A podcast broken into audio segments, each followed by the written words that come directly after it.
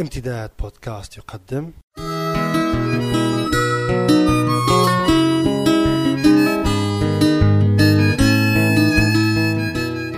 رسالة من لندن مع جمعة بوكليب.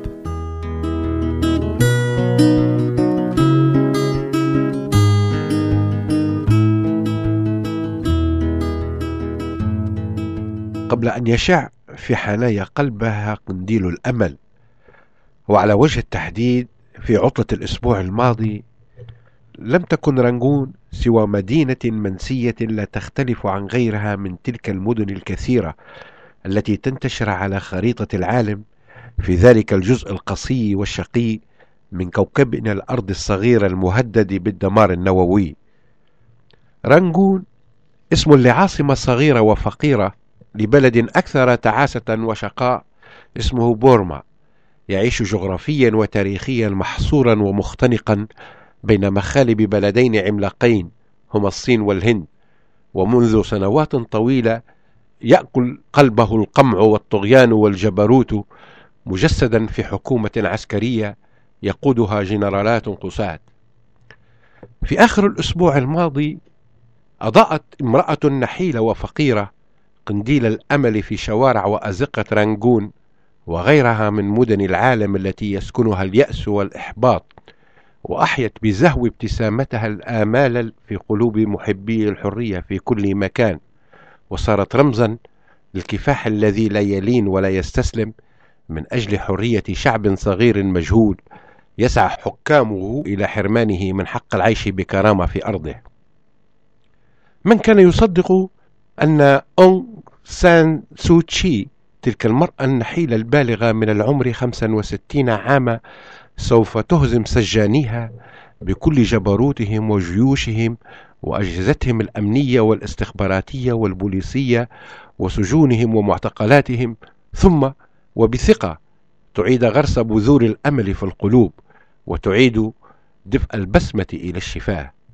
بعد سنوات طويلة تصل في مجموعها إلى خمس عشر سنة قضتها بين السجن والإقامة الجبرية خلال الاثنين والعشرين سنة الأخيرة من حياتها. خرجت أونغ سان سوتشي مبتسمة مساء السبت الماضي من سجنها تشبك زهرة في شعرها وابتسامة وجهها تضيء بنور باهر اسمه الأمل.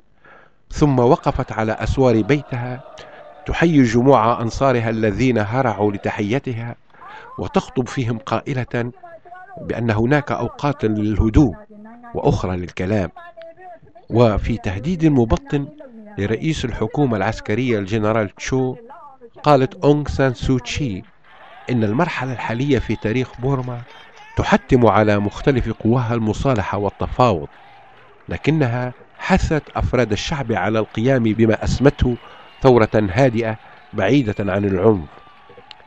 تمنيت تلك اللحظة لو أن الله منحني جناحين لأطير وأقطع المسافات من أجل أن أكون وسط تلك الجموع أهتف باسم المرأة التي انبثقت كشجرة وسط يباس الحقول.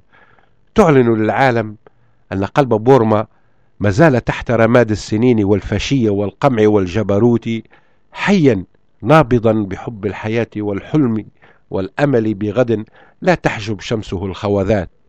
أونغ سان سوتشي السيدة من رانجون جعلت اسم بورما يحتل صدارة الأخبار في كل وسائل الإعلام في مختلف بلدان العالم بين عشية وضحاها وأعادت الثقة بجدوى عدم الاستكانة للقمع والطغيان أينما كان وحل تلك الثقة التي كانت يوما ما تسكننا. ثم في غفلة منا تسربت من بين أيادينا نحن المنتمين تاريخيا للبقعة الجغرافية الممتدة بين المحيط الأطلسي والخليج العربي كماء من بين الأصابع حتى صرنا كالأيتام على مآدب اللئام كنت ذلك المساء الخريفي البارد والممطر جالسا مسمرا في مكاني على كنبة في بيتي أتابع بعينين تشعان فرحا وألقا الحدث في التلفاز وأتنقل من محطة تلفزية لأخرى حتى لا تفوتني تفصيلة صغيرة.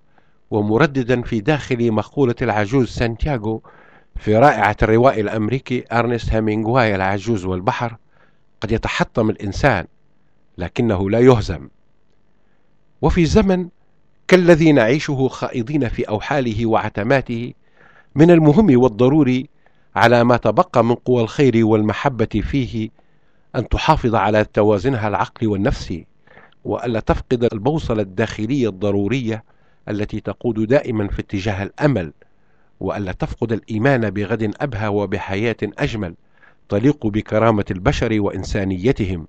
ذلك الأمل وذلك الإيمان اللذان جعل تلك السيدة من رنجون تتحمل عفونة السجون وفظاظة السجانين وتلفت انتباه شعوب العالم إلى المحنة التي يعيشها شعبها المسكين منذ سنوات طويلة. تحية للسيدة أونغ سان سو تشي. التي أعادت قلوبنا الضائعة المتعبة إلى طريقها المفقود طريق الأمل وأحيت في نفوسنا بذار الحلم وهنيئا للشعب البورمي بابنته البارة المكافحة الصلبة التي لم تنل من عزيمتها السنون ولا السجون. وحتى نلتقي مجددا تمنى لجميع المستمعين عيدا سعيدا.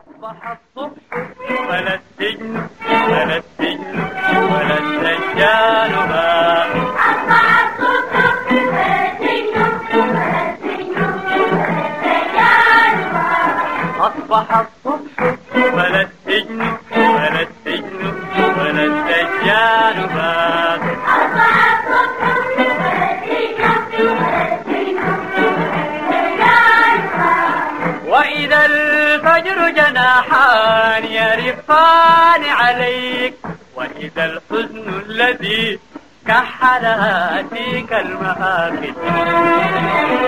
وإذا الحزن الذي كحل هاتيك المآكل. وإذا الحزن الذي كحل هاتيك المآكل. والذي شد وثاق الوثاق. والذي